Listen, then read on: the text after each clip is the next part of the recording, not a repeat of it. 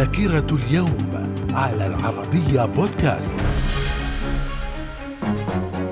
أهلا بكم ومن ذاكرة اليوم الثامن والعشرين من أغسطس من عام 476 قبائل الجرمن تحتل روما. وفي العام 1916 ألمانيا تعلن الحرب على رومانيا وذلك أثناء الحرب العالمية الأولى. وفي العام 1963 مارتن لوثر كينج يلقي خطابه الشهير I have a dream أو عندي حلم في ولاية واشنطن. من الذاكرة. ومن أحداث الثامن والعشرين من أغسطس في العام 1981 المركز الوطني للتحكم بالأمراض والأوبئة يعلن عن ازدياد مرض فقدان المناعة لدى المثليين وقد سمي بمرض الإيدز لاحقا. من الذاكرة. في العام 1990 العراق يعلن أن الكويت محافظة عراقية وسميت بمحافظة كاظمة وذلك بعد غزوه لها في الثاني من أغسطس من العام نفسه.